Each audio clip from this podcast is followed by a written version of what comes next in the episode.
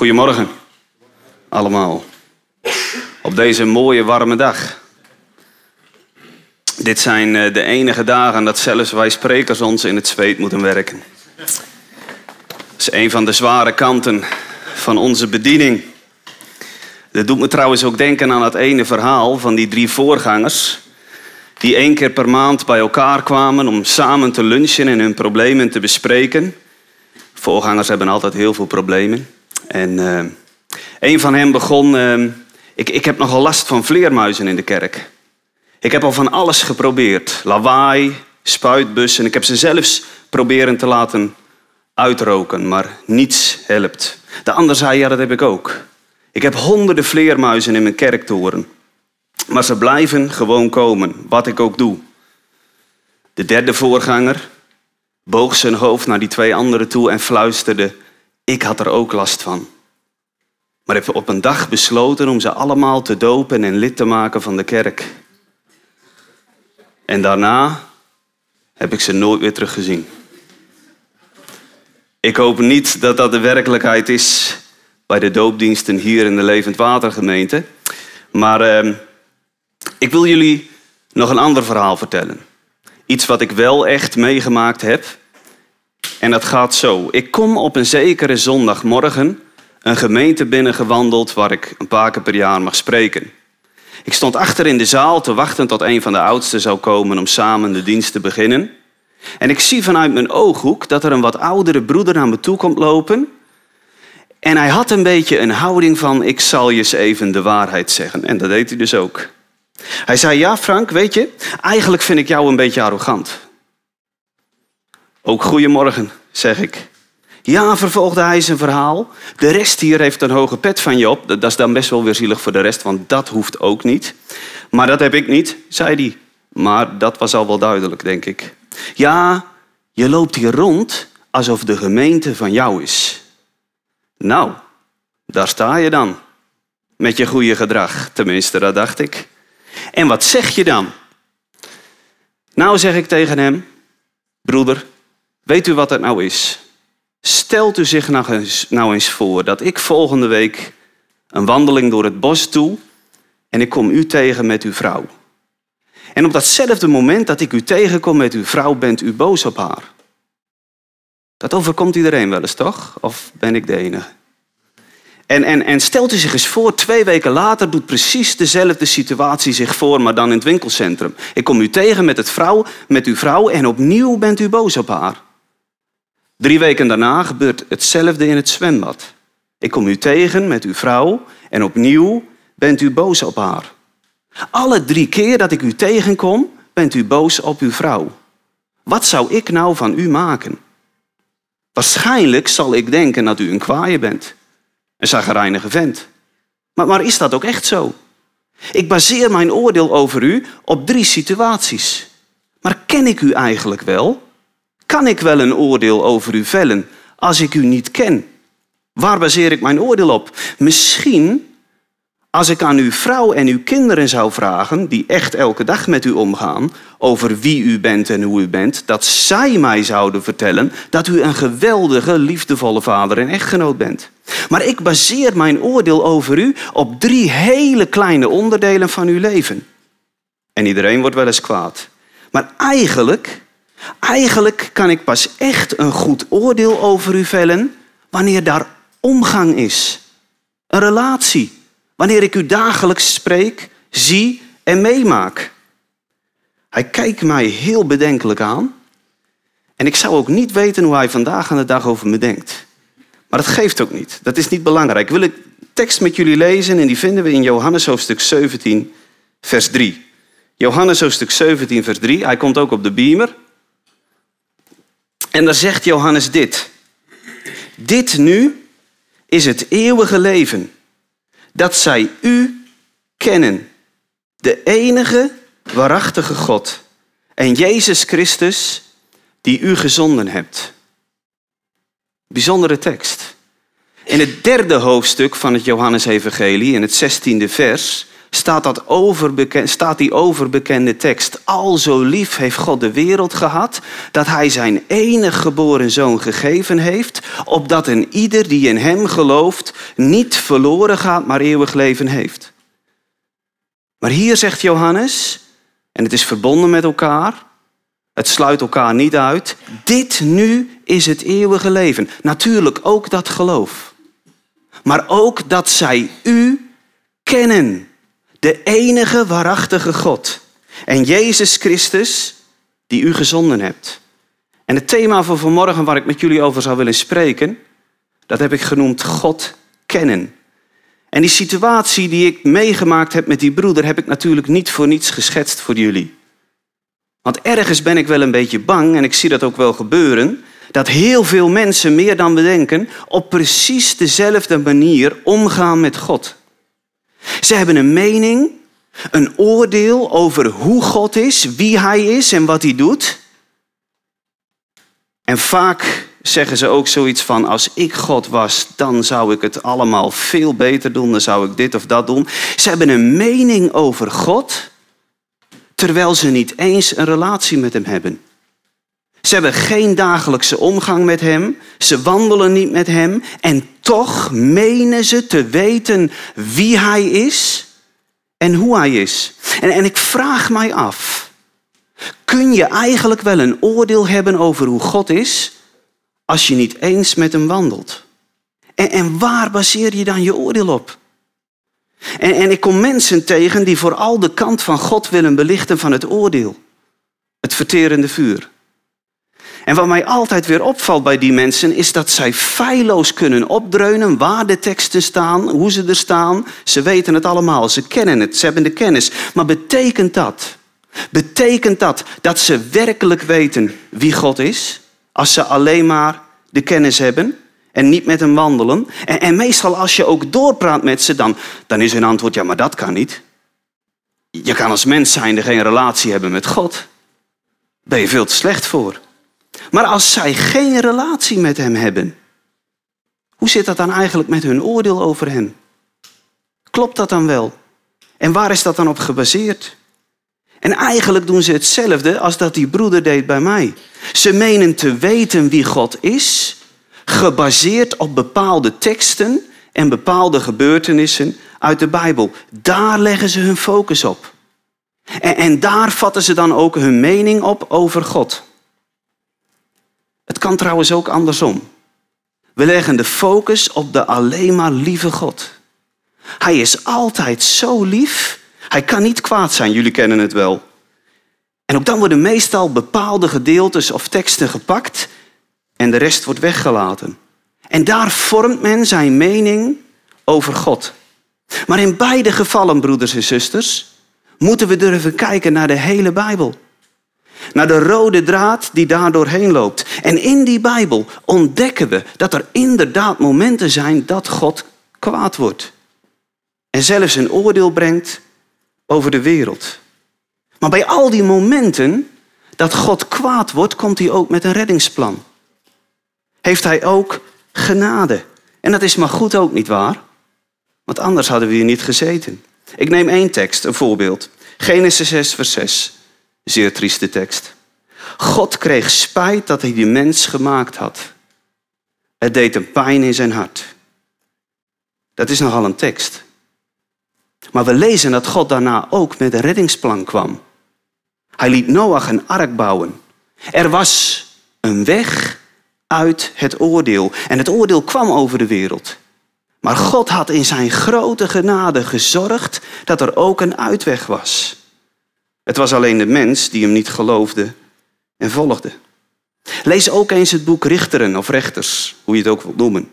God wordt kwaad op Israël. Hij stuurt een oordeel over hen uit. En een oordeel, het oordeel is in dit geval een vijandig volk dat hun oogst steelt en het volk onderdrukt.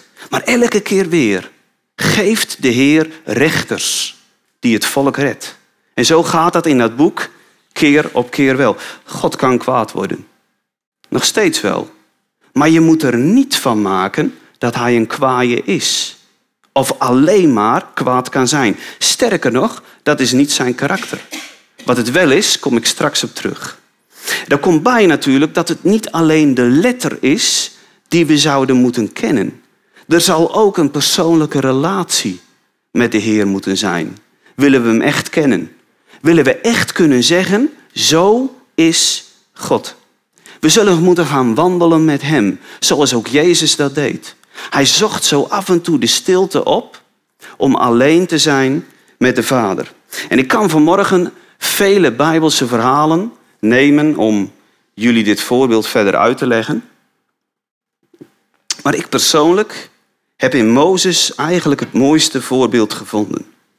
En ik wil vanmorgen zo met jullie zijn leven doorlopen. In vogelvlucht hoor, maak je niet druk. Waar begon de relatie van Mozes met God ook alweer? Bij de brandende braamstruik. En misschien zeg je nu wel, nee broeder, dat is zijn roeping. Maar als je goed leest, dan kom je erachter dat het niet alleen Mozes zijn roeping was. Maar ook het begin van zijn relatie met God. Want Mozes vraagt bij die brandende braamstruik, wie bent u dan, Heer?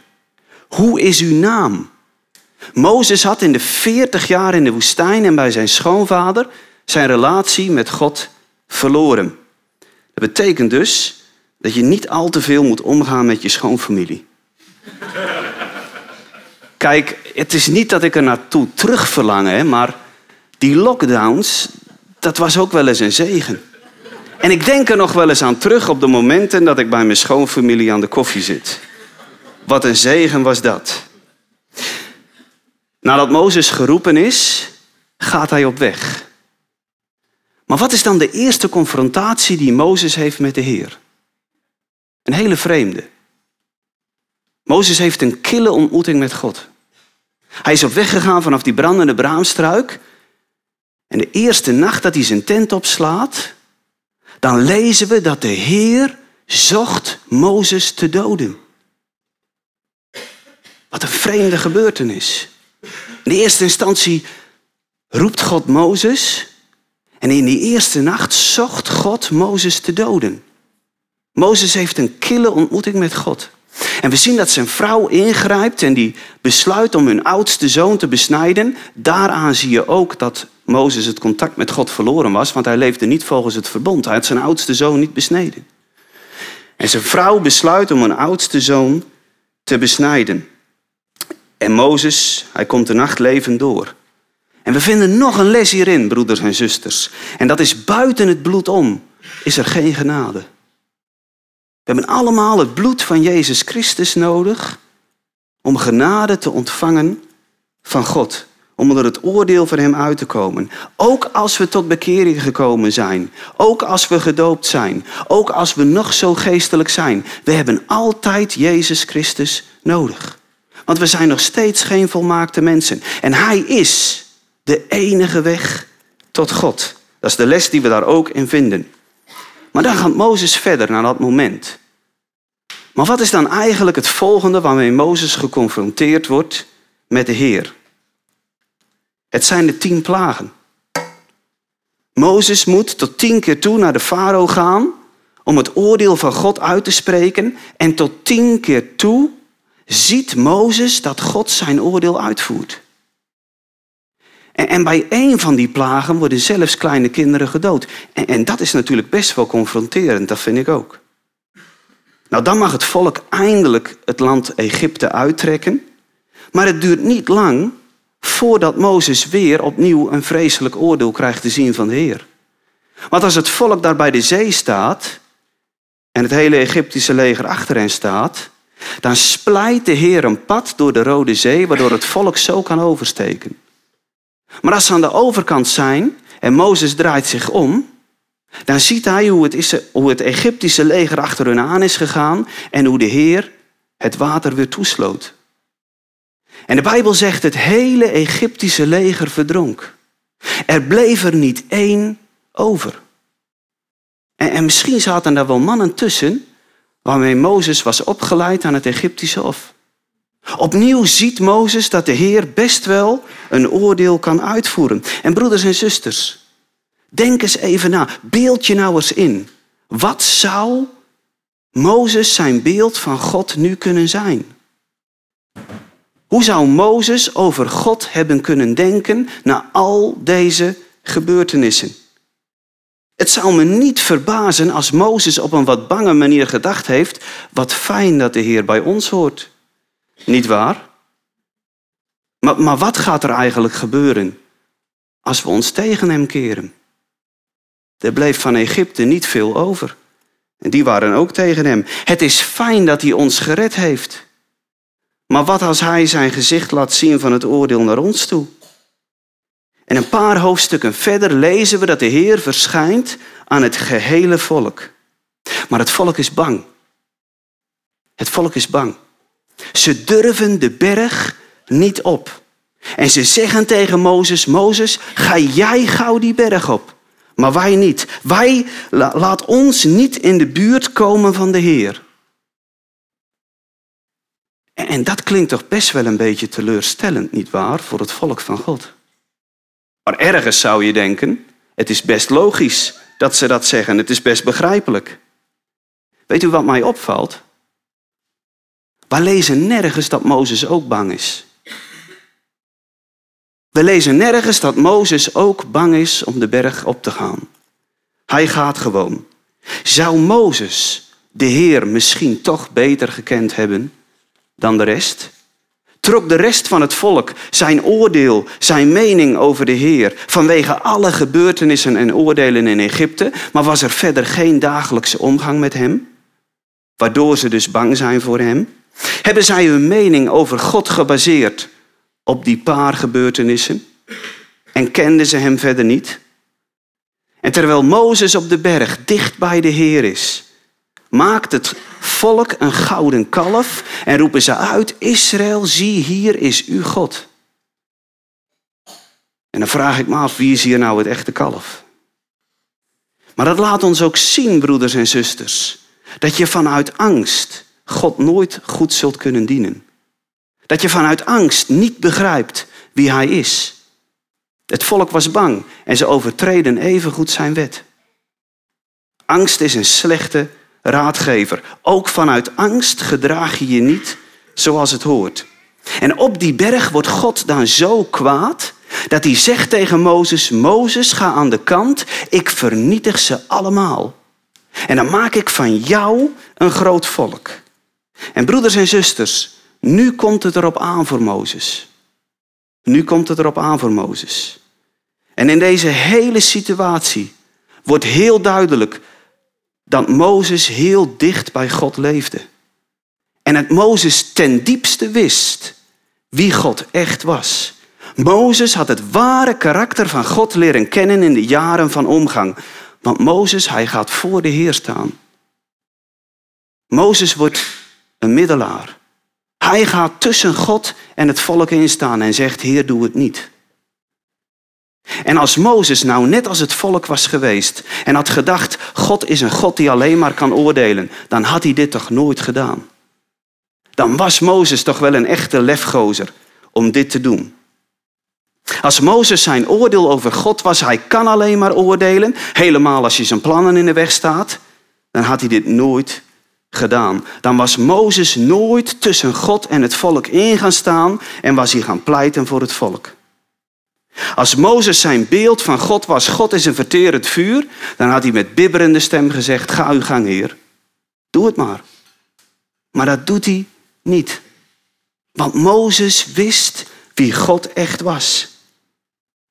Mozes wist meer van de Heer, want er was dagelijkse omgang. En daardoor kende Mozes het karakter van God. En daardoor durft Mozes deze stap naar God toe te zetten. En lieve mensen, ik weet zeker dat er dagelijkse omgang was tussen Mozes en de Heer. Exodus 33, vers 11 zegt dit. De Heer sprak tot Mozes van aangezicht tot aangezicht. Er was dagelijkse omgang. Mozes kende de Heer. En ik durf ook te zeggen dat Mozes door deze stap te zetten de Heer nog beter leerde kennen. Want hij ging pleiten voor het volk en hij werd bevestigd in het feit dat God een genadevolle God was. Want God vernietigde het volk niet. Maar hij hoorde naar het gebed van Mozes. Mozes werd bevestigd in het feit dat God ook genade kan tonen. En niet alleen maar oordelen uitvoerde. Want weet u, Mozes wist natuurlijk nog niet helemaal wie God was. Dat was hij nog steeds aan het ontdekken. Net als u. U kunt wel 40 jaar op de weg zijn. En nog steeds af en toe verrast zijn hoe de Heer uit de hoek kan komen. Ja toch? En opnieuw zien we dat Mozes een stap neemt waardoor hij nog dichter bij God komt. Want omdat het volk een gouden kalf tot hun God had uitgeroepen, had God gezegd tegen Mozes: Mozes, ik ga niet verder met jullie mee. Ik stuur een engel voor jullie uit. En opnieuw toont Mozes lef. En opnieuw zet Mozes een stap in de richting van God. En hij zegt: God, als u niet meegaat, zullen wij van hier niet optrekken. Dat durft Mozes zomaar te zeggen. Tegen de God van wie hij gezien had dat hij toch een beste oordeel kan uitvoeren. En dan durft Mozes nog een stap verder te gaan. Dan zegt hij, Heer, laat mij uw heerlijkheid zien. Laat me zien wie u bent. En dan komt er een geweldig Bijbelgedeelte.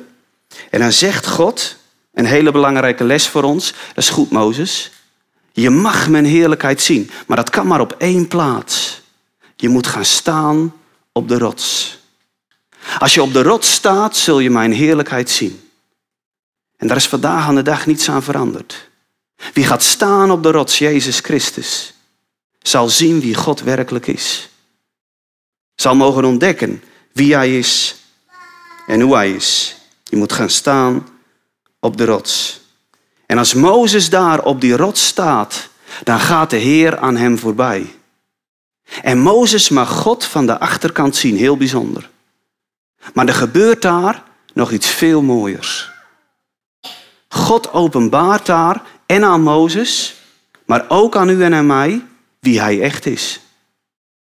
Want hier spreekt God over zijn karakter. Hier zegt God zelf wie hij is en hoe hij is. En dan moet het wel waar zijn, toch? En dan lezen we in Exodus 34, vers 6. De Heer ging voor hem langs en riep uit: De Heer, de Heer, een God die liefdevol is en genadig. Geduldig, trouw en waarachtig. Dat zijn de kenmerken van Gods karakter. Dat is wie God werkelijk is. En Mozes, Mozes komt weer een stap dichterbij het kennen van God. En God laat aan Mozes zien wie hij werkelijk is. En broeders en zusters, als ik dit zo allemaal gezegd heb, zien jullie dan ook het patroon dat naar voren komt in het leven van Mozes? Elke keer als Mozes een stap zet in de richting van God, zet God ook een stap in de richting van Mozes. Het is natuurlijk ontzettend onbijbels wat ik nu ga zeggen. Maar zou het misschien zo zijn dat wij de eerste zijn die een stap moeten zetten naar God toe? Voordat Hij een stap zet naar ons toe? Ja, is heel onbijbels, dat weet ik wel. Maar hoe zegt Jacobus het ook alweer in Jacobus hoofdstuk 4, vers 8?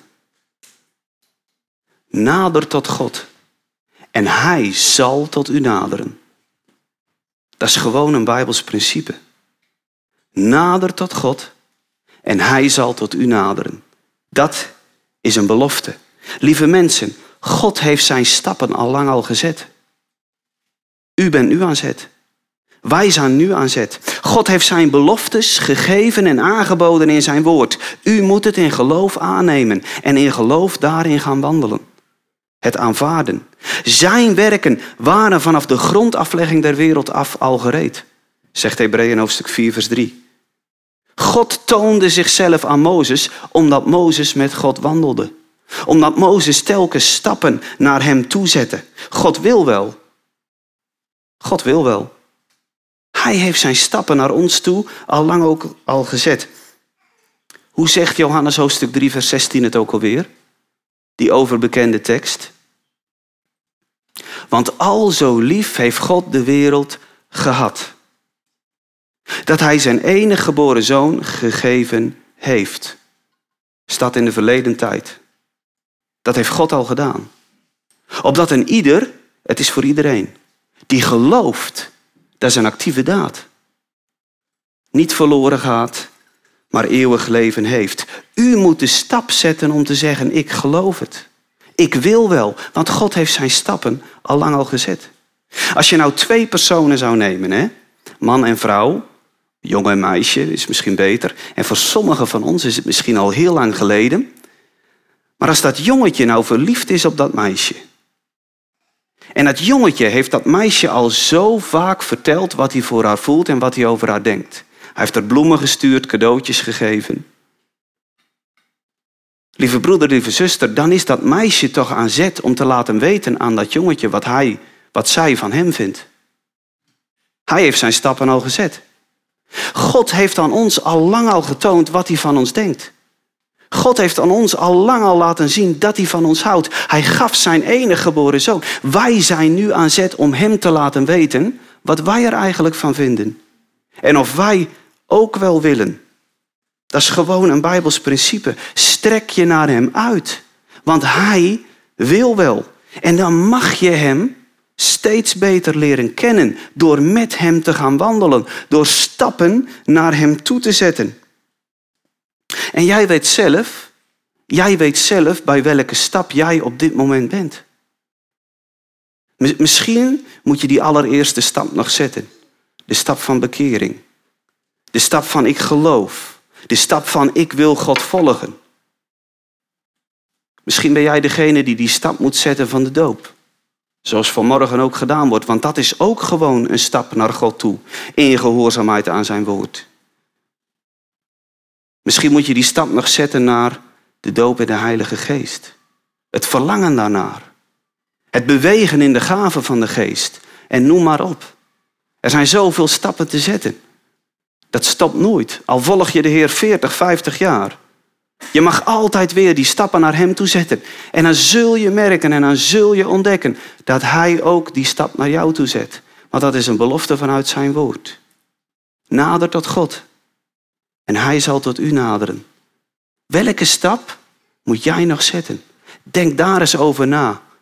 En neem dat eens mee deze week. Ook in je eigen stille tijd. Ook als je God zoekt. Ik wil nog een moment voor jullie bidden. Vader, ik dank u voor wie u bent en wat u doet. U bent een grote, trouwe God. Liefdevol, vol genade.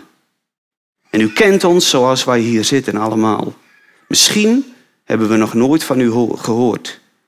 Of misschien hebben we al zoveel van u gehoord. Maar Heer, ik bid dat wij allemaal onze stappen mogen zetten. Om ook dichter bij u te komen. En broeders en zusters, lieve mensen, ik wil jullie daarin zegenen. Ik wil jullie zegenen in dat feit. Dat als je je stappen zet, dat je ook zult ervaren en merken dat God ook zijn stap zal zetten. En ik zegen jullie daar zo in, in Jezus' naam. Amen. Amen. God zegen.